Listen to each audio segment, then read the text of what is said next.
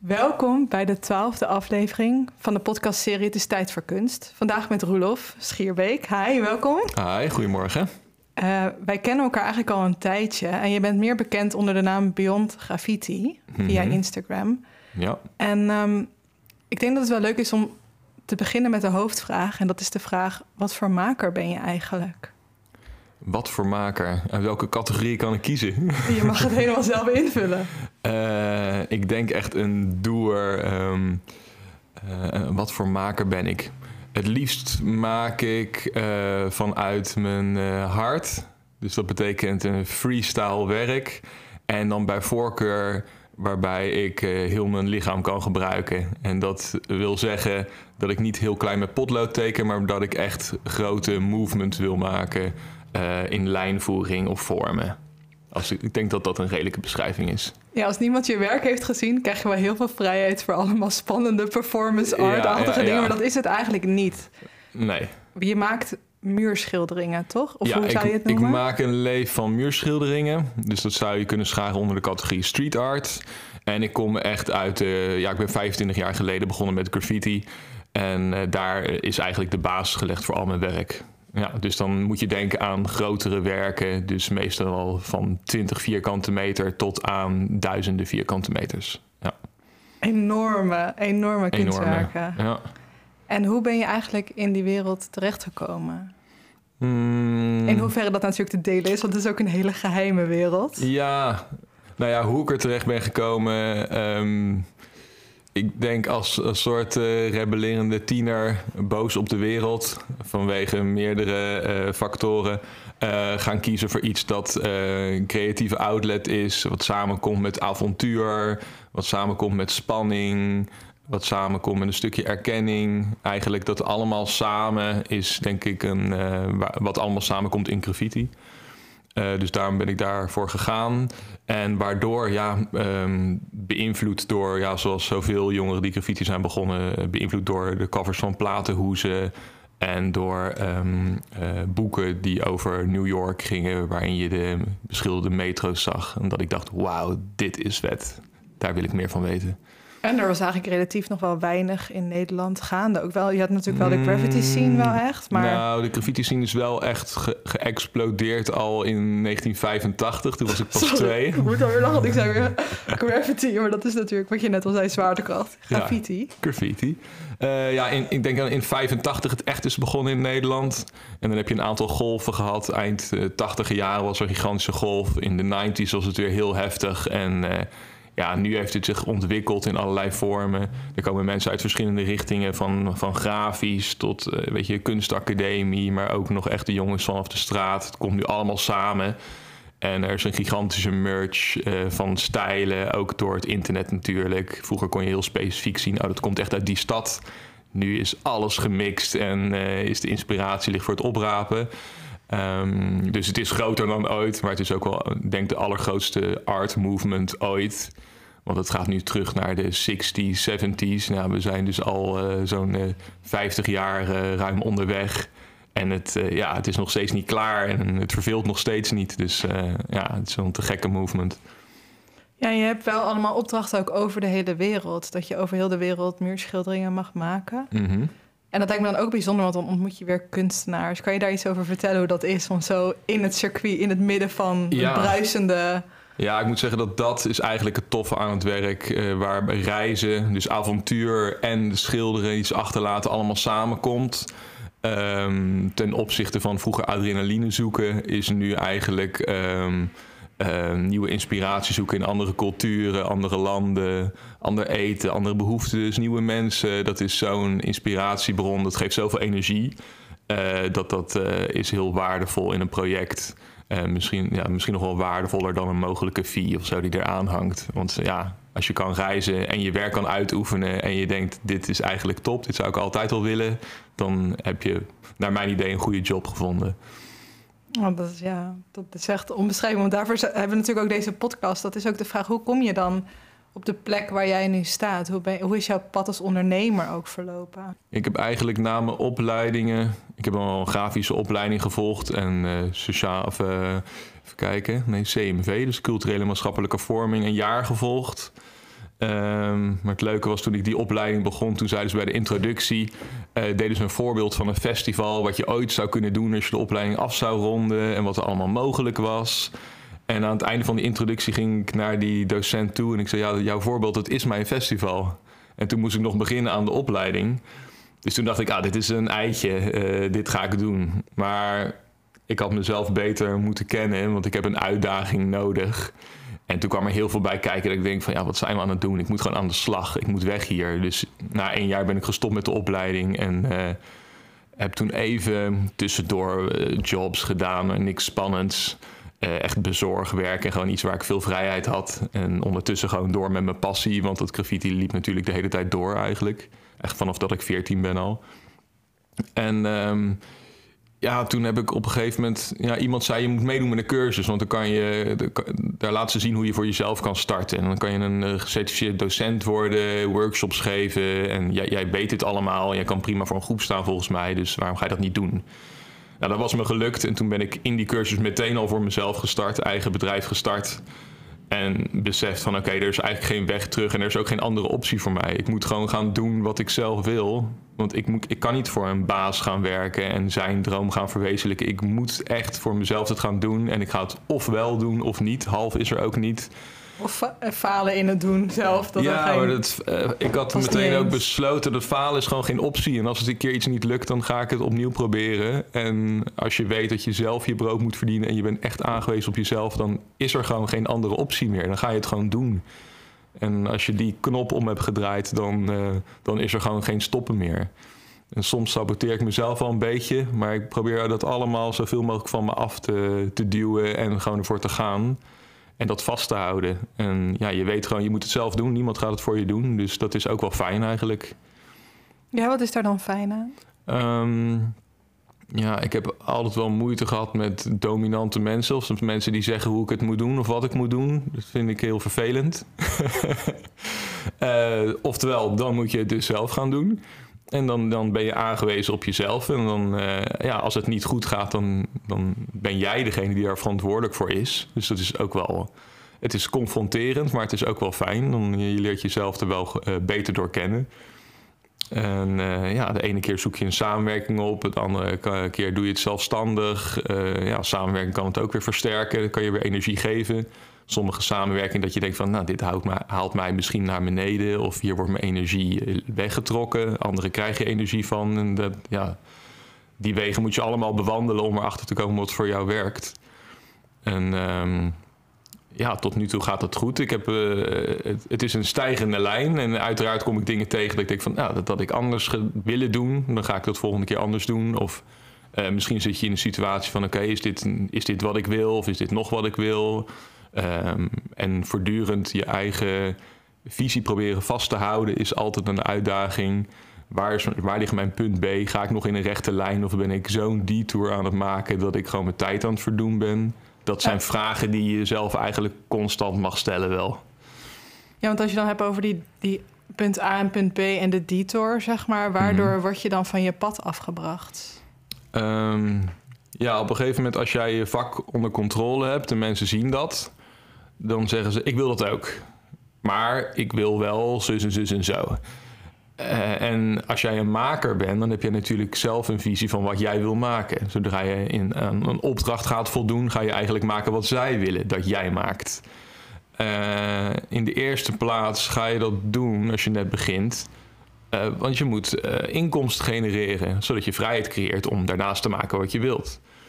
Zodra jij heel veel werk krijgt in opdracht en je neemt het allemaal aan, ben je alleen nog aan het voldoen aan andermans vragen en niet specifiek aan het maken wat jij wilt. Misschien weet je niet eens meer wat je nou echt wil maken. En dat is misschien een beetje een valkuil. Aan de ene kant uh, boer je dan heel goed natuurlijk, want je hebt de hele tijd werk en het gaat goed en je maakt schilderingen, iedereen is blij. Uh, maar ben je zelf ook blij? of, Belangrijke vraag. Ja, dat is. Uh, en kijk, uh, door de jaren heen weet je dat je opdrachten heel erg kan gaan sturen. Want je kan zeggen van oké, maar jij vraagt mij, dit is mijn werk. Dus je kan me input geven, maar ik ga er iets mee doen. En dan is het aan mij om dat te vertolken in mijn beeldtaal. Dus dan kan je er wel, je kan jouw kunstwerk van maken. En, maar dat moet je wel de hele tijd blijven bewaken eigenlijk. Um, En inderdaad, aan het begin doe je dat misschien minder. Dan zeg je, oké, een kinderkamer, je wil een Donald Duck en een Mickey Mouse. Nou heb ik die toevallig nooit gemaakt hoor. Maar uh, ik maak ze wel. Weet je wel, als je dat betaalt, dan maak dan denk je, oké, dan ben ik voor deze week klaar. En dan de rest van de week kan ik uh, maken wat ik wil. Uh, dat is aan het begin leuk. En daarna moet je toch proberen dat omslagpunt te vinden en te gaan maken wat je zelf wilt. Dat is ook een. ja, soms moet je een beetje water bij de wijn doen. Maar er zijn ook heel veel kunstenaars die zeggen: nee, ik maak alleen wat ik zelf wil en ik doe niet aan opdrachten. Dat is misschien een langere weg. Ik vind het wel heel sterk als mensen dat doen. Ik denk dat ik er een beetje tussenin zit. Mm, ja, dus dat. Ja, want het is natuurlijk uh, altijd de balans vinden tussen het werk maken en geld verdienen. Toch ook wel als maker als je echt ervan wil kunnen leven en fulltime wil doen. Ja. Maar ja, ik zit even te denken over de vraag die ik eigenlijk bedoel. Want mm -hmm. je pad bewandelen als maker wordt natuurlijk ook weer beter doordat je gewoon maakt. Want je hebt ook die maakuren nodig. Dus het is natuurlijk ook fijn als je voor een aantal van de maakuren betaald wordt, door dan inderdaad een beetje zo'n middenweg te ja. vinden om. Nou, ik moet zeggen dat het me in ontwikkeling ontzettend heeft geholpen om te voldoen aan andermans vragen. En ja. eigenlijk bij elke opdracht te zeggen, uh, of elke vraag die is: kan je dit maken? Om naar ja op te zeggen doordat je dat gewoon gaat maken zonder dat jij weet of je het kan, maar gewoon puur uh, de affirmation in de wereld hebt gegooid dat jij dat kan en je maakt het en het lukt je. En die mensen denken: wauw, dit is echt on point. En dan, oké, dit kan ik ook. Top, dit kan ik. Ik heb een nieuwe trick in my bag, zeg maar. En die verzamel je, waardoor je op een gegeven moment alles kan maken. En denk van oké, technisch kan ik nu alles. Uh, ik, heb, ik heb een aantal boxen gecheckt. Ik heb uh, geld verdiend, check. Um, technisch kan ik het, check. Nu wil ik die passie, natuurlijk. Nu, wil ik, nu moet alles bij elkaar komen. Nu moet ik mijn ikigai vinden. Of wat, nu moet ik dat punt vinden waar alles samenkomt.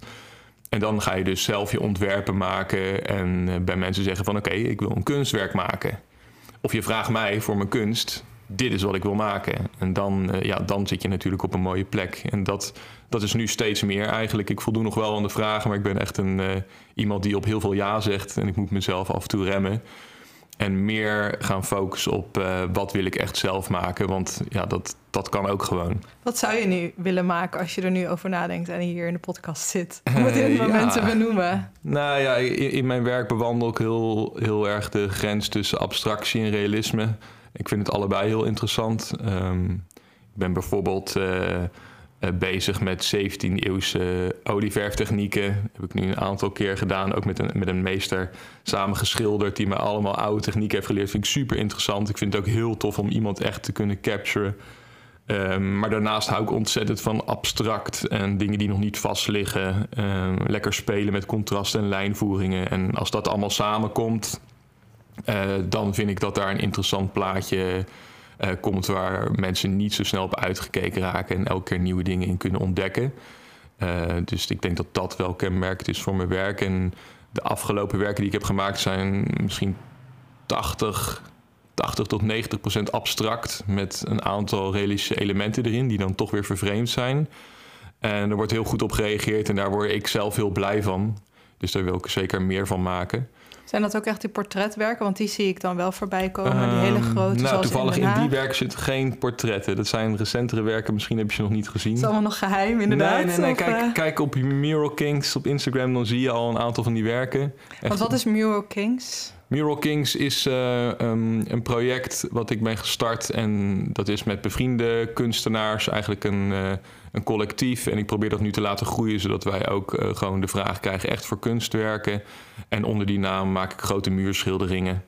En dat is, ja, er zijn eigenlijk dan geen grenzen wat dat betreft. Niet qua grootte, niet qua landgrenzen. Dat kan overal zijn en elke grootte.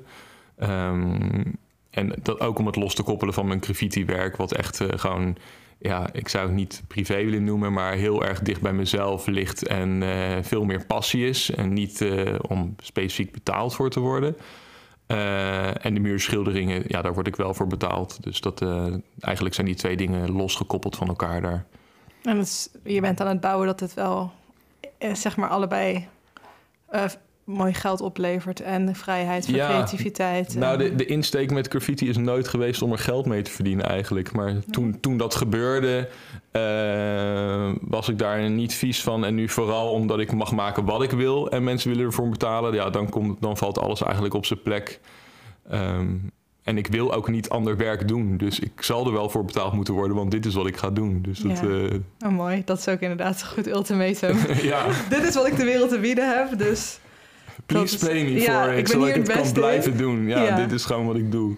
En als je dan het hebt over jouw vakmanschap, want ik vind de portretten die ik dan heb gezien en het abstract werk heb ik dan nu niet gezien, dat ga ik Mhm. zeker hierna bekijken. Maar dat is ook natuurlijk gegroeid, wat je al zei, door de opdracht die je hebt aangenomen. Maar hoe, hoe ben je begonnen versus hoe, hoe was je in tekenen? Of hoe is het proces nadat je zulke realistische portretten nu zou kunnen maken? Of dit werk wat je nu maakt in de abstractie? Ja, eigenlijk had ik in de eerste plaats geen interesse in portretten maken, heel realistisch.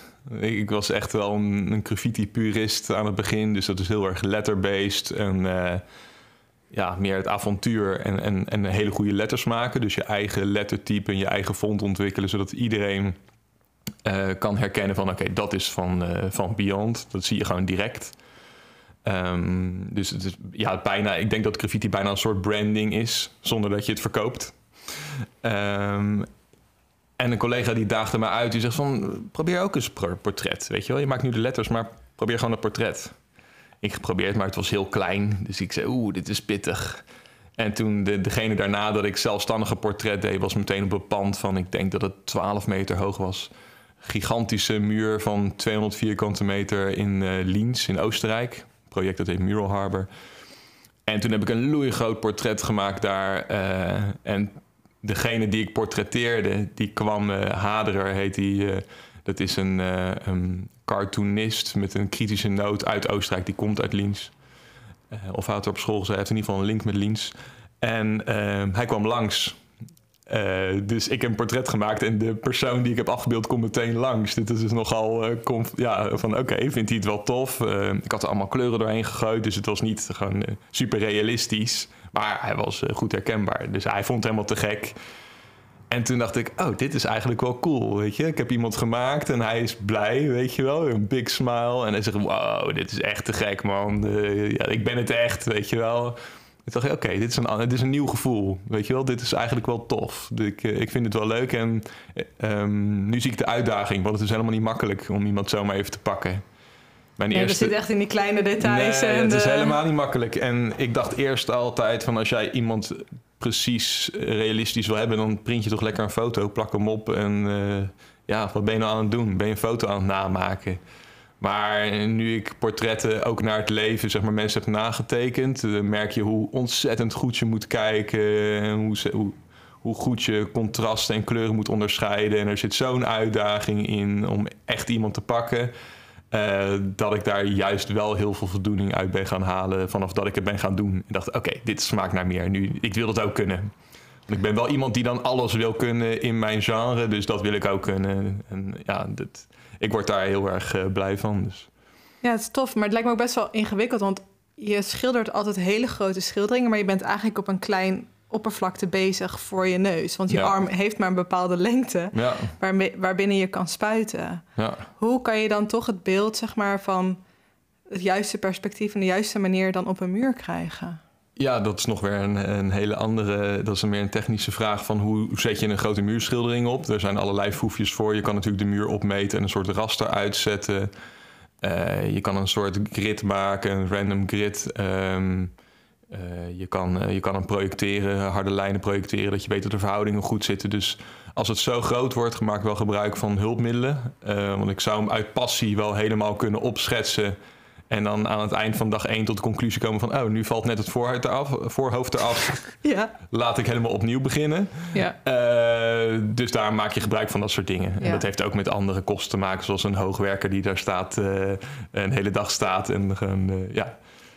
Eh, je hebt gewoon kosten als je zo, zodra je zo'n grote muurschildering start. Dus je wil eigenlijk niet te veel druk moeten maken over de verhoudingen. Je wil dat het klopt en dat je gewoon lekker aan de slag kan. Ja, en dan daarna komt steeds meer ruimte voor creativiteit. Als, het, als de basis goed staat, dan kan je natuurlijk helemaal meegaan in het proces en creëren. Ja, maar ook met een grote muurschildering is toch wel veel van tevoren bedacht. Want je hebt zulke grote vlakken nodig. Je kan niet even uh, 30 vierkante meter rood maken en dan denken van... Nou ja, misschien zou blauw toch wel mooi zijn. Want dan gaan natuurlijk emmers met materiaal doorheen en dan eh, snij je zelf lelijk in de vingers. Dus een grote muur eh, is een hele andere benadering dan een muur van uh, zeg 7 meter breed en 3 meter hoog. Zodra je 10 meter de lucht in gaat en er gaat flink materiaal tegenaan, dan, ja, dan moet je echt goed voorbereid zijn en precies weten wat je aan het doen bent. Ja, toch een andere benadering wat dat betreft. En heb je dan ook opleidingen of leermeesters of dergelijke gehad? Zoals nu vertel je over de leermeester in de olieverf. Maar mm -hmm. hoe, hoe ben je dan zeg maar in de, in de makerschapskwaliteit level waar je nu bent gekomen? Mm, ik ben het sowieso. Ik, ik kende niemand in graffiti toen ik begon. Dus ik ben puur eh, met een jongen uit de klas begonnen. Met uh, autolak uit de schuur uh, van mijn vriendje toen de tijd. En begonnen. En daarna uh, eerst de spuiters bij de HEMA gekocht en gewoon gaan proberen. Maar snel had ik best wel een strakke hand en, en kon ik wel wat maken. En de tekening ging ook goed.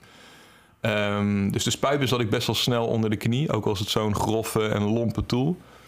En uh, ja, als je, als je langer, gaat, uh, langer met graffiti bezig bent... dan beland je op plekken waar je met meerdere mensen aan het spuiten bent. Dus dan staat er iemand naast je, een oude rot uit het vak... en dan kijk je toch even mee en denk je van... ah, zo doet hij dat. Of hij geeft een keer een tip.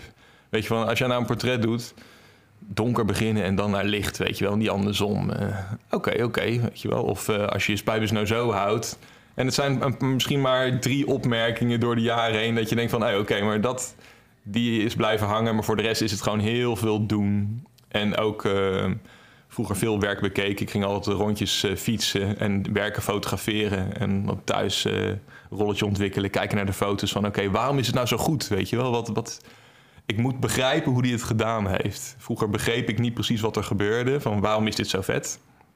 En je wordt steeds beter in het analyseren van uh, waarom, waarom is dit zo goed en wat heeft die persoon eigenlijk gedaan. En dan uh, ja, op een gegeven moment laat je dat, dat heb ik jaren geleden al losgelaten. En ga je veel meer je eigen werk beoordelen van oké, waarom is het nog niet goed? Of wat zou er nog moeten gebeuren? Of mis ik nog ergens contrast of zo? Of hoe zou ik dat beter aan kunnen pakken? En ja, het is vooral heel veel doen. Ik denk ja, al duizenden werken gemaakt. Dus dan uh, ja, op een gegeven moment ga je op automatische piloot en zit het gewoon in je vingers en weet je gewoon wat je aan het doen bent. Dus ik ben blij dat ik op dat punt ben dat ik daar niet meer te veel over hoef na te denken. Nee, en je zegt ik heb duizenden werken gemaakt. Gaat het dan ook niet vervelen? Nee, dat is gek hè. Het verveelt nog steeds niet. Ik ga nog steeds... Uh, vorige twee weken terug een vriend uit Kroatië die belt van... ja, zullen we iets gaan maken? En dan uh, ben ik gewoon nog steeds excited. Ook omdat ik zijn werk ken en denk van... ja, dat inspireert me ook weer om iets nieuws of iets anders te doen. Want ik vind het zo tof wat hij doet... En hij paint met mij en zegt: Oké, ik vind het tof om met jou te painten. Weet je wel, dit is een goede vibe. En dan ja, heb je eigenlijk een topdag. En dan maak je iets compleet belangeloos, wat waarschijnlijk de volgende dag alweer wordt uh, weggeverfd iemand anders. Want het is op een plek waar het mag. Um, maar toch heel veel voldoening uithalen en een werk gemaakt dat je denkt van ja, deze is toch weer beter dan de vorige. En je bent eigenlijk wat dat betreft, heb je nooit je perfecte werk gemaakt. Dus daarom houdt dat creëren nooit op de, de uitdaging blijft er altijd om iets beters te maken of hem anders te maken. En ja, die, die weg is eindeloos. Dus dat, dat, houdt, ja, dat stopt niet. Ik denk dat het daarom interessant blijft. Ja, en als je dan kijkt naar je toekomst, waar, waar je naar zou verlangen als maker en als ondernemer, wat zou mhm. je dan graag willen? Ja, daar moet ik uh, sowieso in mijn tijd, of in mijn agenda's tijd voor reserveren om wat uh, deeper thinking te doen betreft wat ik echt wil. Want ik moet bekennen dat ik mijn, mijn punt B, waar ik nou in een rechte lijn heen zou willen, niet, hey, die is een beetje blurry.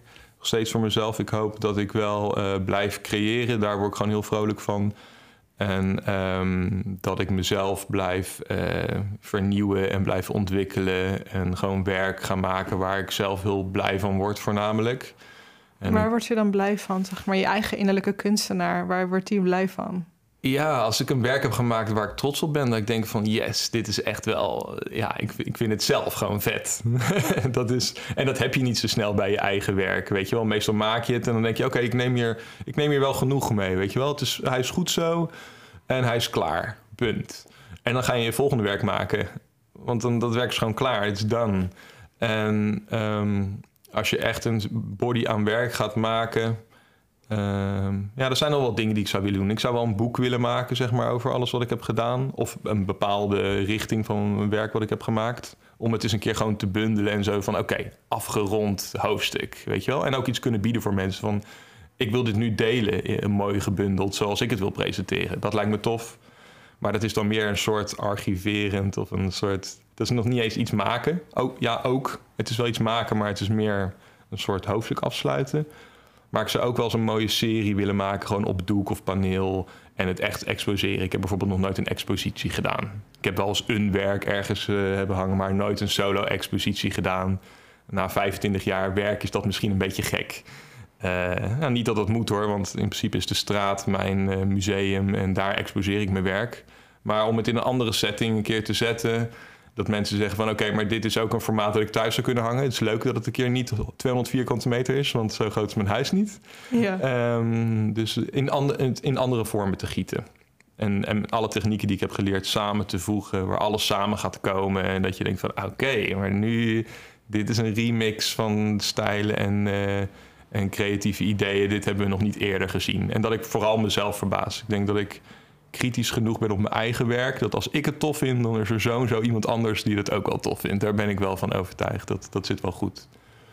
Um, maar voornamelijk moet het een body aan werk zijn waarbij ik denk: ja, hier word ik blij. Dit ben ik. Dit is wat ik wil laten zien. En dat is, dat, misschien is dat wel het ultieme punt bij. Het is goed dat we hierover hebben. Ja, daarvoor is de podcast ook een beetje van om weer uh, dingen ook uit te spreken en te documenteren hoe je er nu in staat, wat er nu gaande is. Dus je bent nu gewoon heel hard aan het werk ook. Daar hadden we het net al over. Dat je Mhm. gewoon eigenlijk te veel opdrachten krijgt voor wat je aan kan en heel veel dingen tof vindt, maar dan ook nu weer gaat selecteren naar oké, wat past bij mijn stijl en wie wil ik nu weer worden als maker en wat, Ja. welke opdrachten passen daarbij. Ja. Dus dat is natuurlijk heel inspirerend ook. Maar wat ik nou ook heel vaak terughoor is dat mensen gewoon willen weten, en ik zelf ook, van wat zijn dan de kantelpunten dat het ook succesvol is geworden? Want Ja. Ja, dat is moeilijk om dat te benoemen. Ja, ik heb heel veel werken met een collega samengemaakt. Toen we er echt voor gingen, eh, vanaf dat punt, hebben we gewoon veel grote schilderingen gemaakt. En eigenlijk elke keer als je een grote schildering maakt, dan laat je gewoon een billboard achter. Je naam staat erop en dat blijft daar gewoon staan. Dit is waar merken van dromen natuurlijk. En wij, eh, dan heb je gewoon een kunstwerk staan, loei groot. En dat is gewoon een billboard. En die heb je dan overal over de wereld staan. En dat wordt alleen maar meer. Ehm, ja, mensen. En ik denk ook dat social media helpt ontzettend mensen. Er zijn heel veel mensen die, ja, die zijn echt met passie street art werken en murals aan het zoeken. Aan het vastleggen en aan het delen. Ja, die maken eigenlijk gewoon. eh, ik vind dat heel tof. Weet je, die hebben heel veel liefde voor ons werk. Maar ik vind hun ook echt heel tof. Want ze zijn gewoon ambassadeurs en van ons werk. eh, eh, ze maken reclame voor, voor alle street artists. En ze, ja, ze sturen deze werken digitaal ook nog een keer de wereld in. Het is niet realistisch dat iedereen dat werk daadwerkelijk zou zien. Dus die, die foto's en de documentatie is super belangrijk. En als ik eh, een werk van me laat zien online, heb ik het gevoel dat ik het aan veel mensen heb laten zien. Maar dat is natuurlijk helemaal niet zo. Ik ben maar alleen en ik heb niet tienduizenden volgers. Dus ja, hoeveel mensen ziet het nou echt? En, maar zodra mensen het gaan fotograferen en het wordt veel gedeeld. En eh, ja, dan, dan, dan begint er iets te rollen natuurlijk. En dat is bijna niet meer tegen te houden.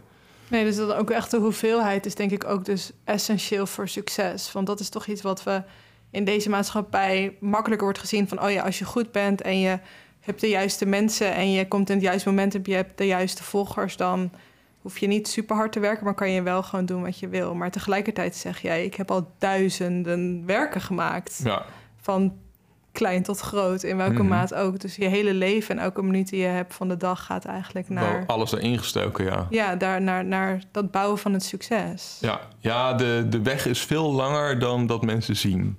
Ze hebben dan het gevoel van, oké, ik denk de eerste grote schildering, 2014, 15. eh, nou, hij is al leuk. eh, nou, leuk, je doet al 7, 8 jaar. En denk van, no way, weet je, dit gaat 25 jaar terug. eh, vanaf het moment dat ik die spuitjes in mijn handen kreeg. Dat was zo'n essentieel moment. En alles wat ertussen gebeurd is ook.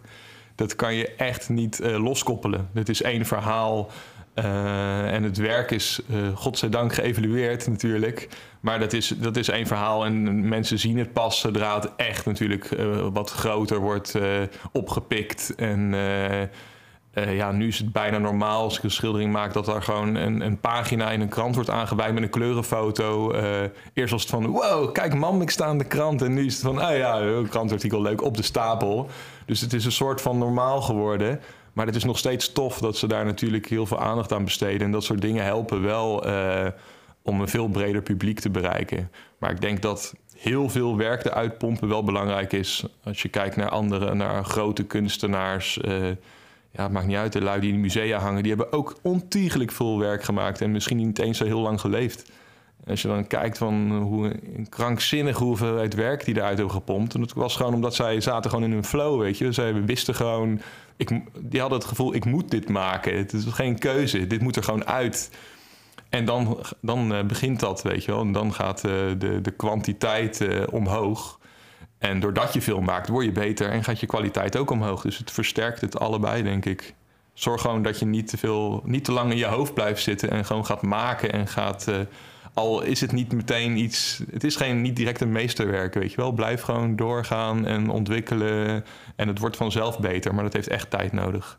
Ja, en dan, heb je, dan kom je toch weer bij dat de juiste mensen je ook weer moeten zien. Want ik heb ook het idee dat succes ook heel erg wordt bepaald door dat je toffe mensen ontmoet, geïnspireerd raakt, die delen hun netwerk weer. En dat dat ook een heel groot onderdeel is van succes behalen. Ja, dat, het grotere plaatje heeft natuurlijk ook te maken met. Ehm, uh, ja, je kan niet als een muurbloempje uh, blijven of je opsluiten in je zolderkamertje.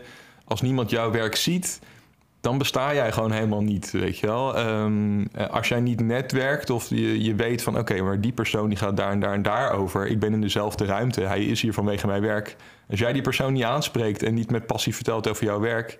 heeft hij nul affiniteit met jou. Of misschien een heel klein beetje, omdat hij je werk tof vindt... maar hij kent jou niet en je hebt niks verteld erover. Je hebt niet uh, enthousiast ben je ingegaan op een idee van hem uh, of haar. Uh, als je dat gesprek niet aangaat en je, je kijk, netwerken is ook gewoon essentieel onderdeel ervan. En de telefoon op durft te pakken, zelf de stoute schoenen aan, aantrekken en denken van ik wil gewoon die gevel, daar wil ik iets doen. Ik ga zelf initiatief nemen.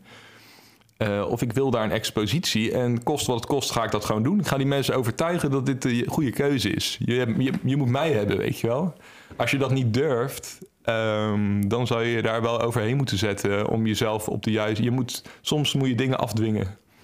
Het ja, is dat echt een kwestie ook wel van afdwingen, ook in jouw carrière geweest? Um, nou, kijk, door. Eh, ik ben begonnen natuurlijk met graffiti te maken op plekken waar ik vond dat mijn werk moest staan. En ik heb dat aan niemand gevraagd.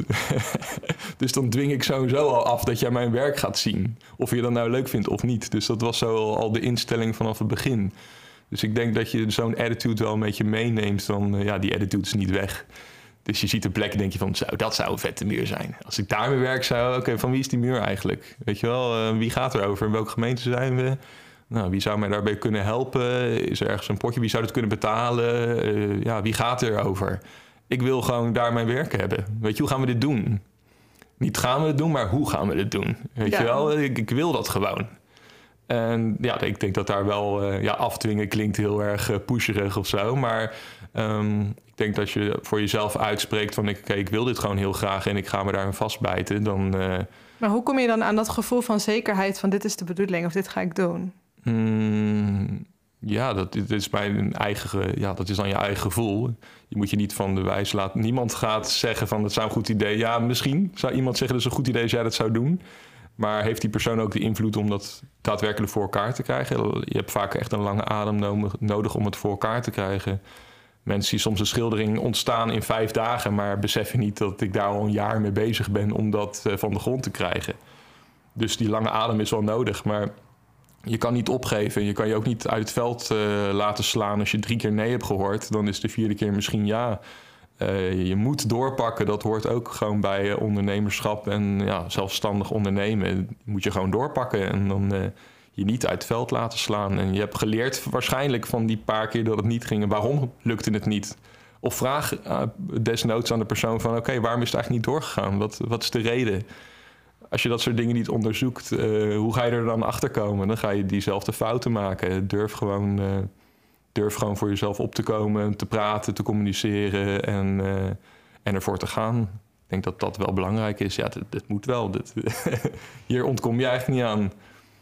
Nee, want als je het niet zou doen, dan ben je ook ongelukkig. En dan sterf je ook elke dag langzaam in je hart af natuurlijk. Sterf je langzaam ongelukkig alleen op je zolderkamer. Met je schilderijtjes. Nee, ja. Uh, er zijn natuurlijk heel veel mensen die schilderen ook uh, voor hun plezier. En doen dat naast hun werk. En er zit helemaal geen druk op van... oh, kijk, ik moet het verkopen. Ik moet het aan een man brengen. Dat is niet... Uh, dat is heel fijn, want dan zit er geen enkele druk op je werk. er is geen tijd dat het af moet zijn. En misschien ben je wel heel productief op die manier. En ben je stiekem eigenlijk, zonder dat je het weet, wel een hele carrière aan het opbouwen. Omdat als je het uiteindelijk tentoonstelt, denken dat mensen denken: wauw, waar dit verborgen oeuvre komt in één keer van de zolderkamer vandaan. Wauw, holy shit. Uh, waarom heb je dit nooit laten zien? Dat kan. Um, maar dan heb je heerlijk kunnen werken ook zonder enige druk van dat je die financiën nodig hebt. Uh, maar ik wil geen andere baan. Ik wil alleen dit. Uh, en dan kom je dus wel op een punt terecht dat je, dat je toch wel aan zal moeten trekken. En uh, het verschil natuurlijk, zodra je op doek werkt, jij kan een doek kopen om en erop gaan schilderen. Maar en je kan niet zomaar elke gevel beschilderen. Dus er zit wel een wezenlijk verschil in natuurlijk. Ja, ja dat je toch altijd met andere partijen ook uh, ja. in zee moet om op het openbare ruimte. Alleen al dat je in de openbare ruimte staat en dat iedereen het kan zien. Er vindt, iedereen vindt er iets van. Dus dat is, al, dat is al een ding. Daar begint eigenlijk bijna al je compromis in je werk mogelijk. Er zit al een gevaar van: oké, maar ik wil dit maken. Maar ja, dat kunnen mensen misschien niet zo waarderen. Dus nu moet ik het in een ander plaatje gaan gieten. Hoe ga ik dat doen? En dat is wel iets waar ik voortdurend bij stil moet staan. Daarom is abstractie ook een heel fijn ding. Want ja, daar mogen mensen in zien wat ze willen. En uh, het is niet speciaal heel chockerend. Uh, weet je, figuratief kan je nog wel behoorlijk wat grenzen overgaan natuurlijk. Waarbij abstractie meer ruimte geeft. En bij mij is dat kleur- en lijnenspel zo... geeft zoveel voldoening dat abstractie, dat is, vind ik heel fijn. Ja, het realistisch is ook toch, ja, het is allebei tof. Dat is cool, ja. Niks is tof. Ja. En dat je de keuze hebt om te kiezen wat voor het werk het beste past. Omdat je dus zegt, ik beheers het allebei, want dat wil ik. Ja. Ja, dat geeft natuurlijk heel veel vrijheid om ook het werk te maken wat het best past op de locatie en in de situatie. Ja, en, het geeft veel mogelijkheden en um, ja, je kan je werk echt gelaagd maken. Weet je, er kunnen meerdere lagen in zitten. Je kan heel veel boodschappen in stoppen. Je, je kan een heel verhaal erin stoppen. En het fijn is dat mensen hun eigen verhaal erbij kunnen maken. Dat is, dat is ook fijn. Weet je wel, op een gegeven moment als je bepaalde figuratieve afbeelding maakt, dan is het wat het is. Zodra je gaat spelen en het wordt ook, krijgt abstractie, dan kunnen mensen hun eigen verhaal maken. Dat is misschien wel veel interessanter. Ja, mooi. En ik heb dan nog een, zeg maar, twee laatste vragen. De eerste is, zeg maar, hoe, uh, wat zou je nog adviseren aan makers die nog wat onzeker zijn of nog niet, zeg maar, bij de top van Nederland horen, maar daar wel naar verlangen, zoals wat jij nu laat zien, dat kan? Um, wat zouden zij moeten doen? En dan specifiek in mijn genre of makers in het algemeen? Ik denk makers in het algemeen eigenlijk, omdat het allemaal heel erg uh, één is. Ja, um, ik zou zeggen veel doen. Dus wat ik al zei, niet, niet te veel blijven hangen in ideeën en wat zou het... Kijk, het is heel goed om je idee goed uit te diepen en goed na te denken over je concept van wat wil ik doen... Maar het is ook heerlijk om dingen gewoon te laten ontstaan terwijl je het doet. Of je nu schildert of dingen spuit zoals ik. Ga gewoon spelen, weet je wel. Laat het uh, gewoon leuk zijn. Speel veel en ga daaruit kiezen van... oké, wat werkt en wat maakt mij blij en waar wil ik meer mee doen? Wat zou ik uit moeten diepen? Pak die, maak vanuit dat werk weer een serie. En blijf gewoon maken. Um, ik denk dat dat het meest interessante is, ja. Of en dan als het allerlaatste is het eigenlijk nog, want ik denk dat het misschien nog wel aansluit, is wat, wat is een one-liner die je veel gebruikt of die heel vaak terugkomt of die echt staat voor je makerschap? Oeh, ja, dat heb ik niet echt grappig, een one-liner. Of iets wat je vaak zegt, wat heel vaak terugkomt. oh, dit is een moeilijke.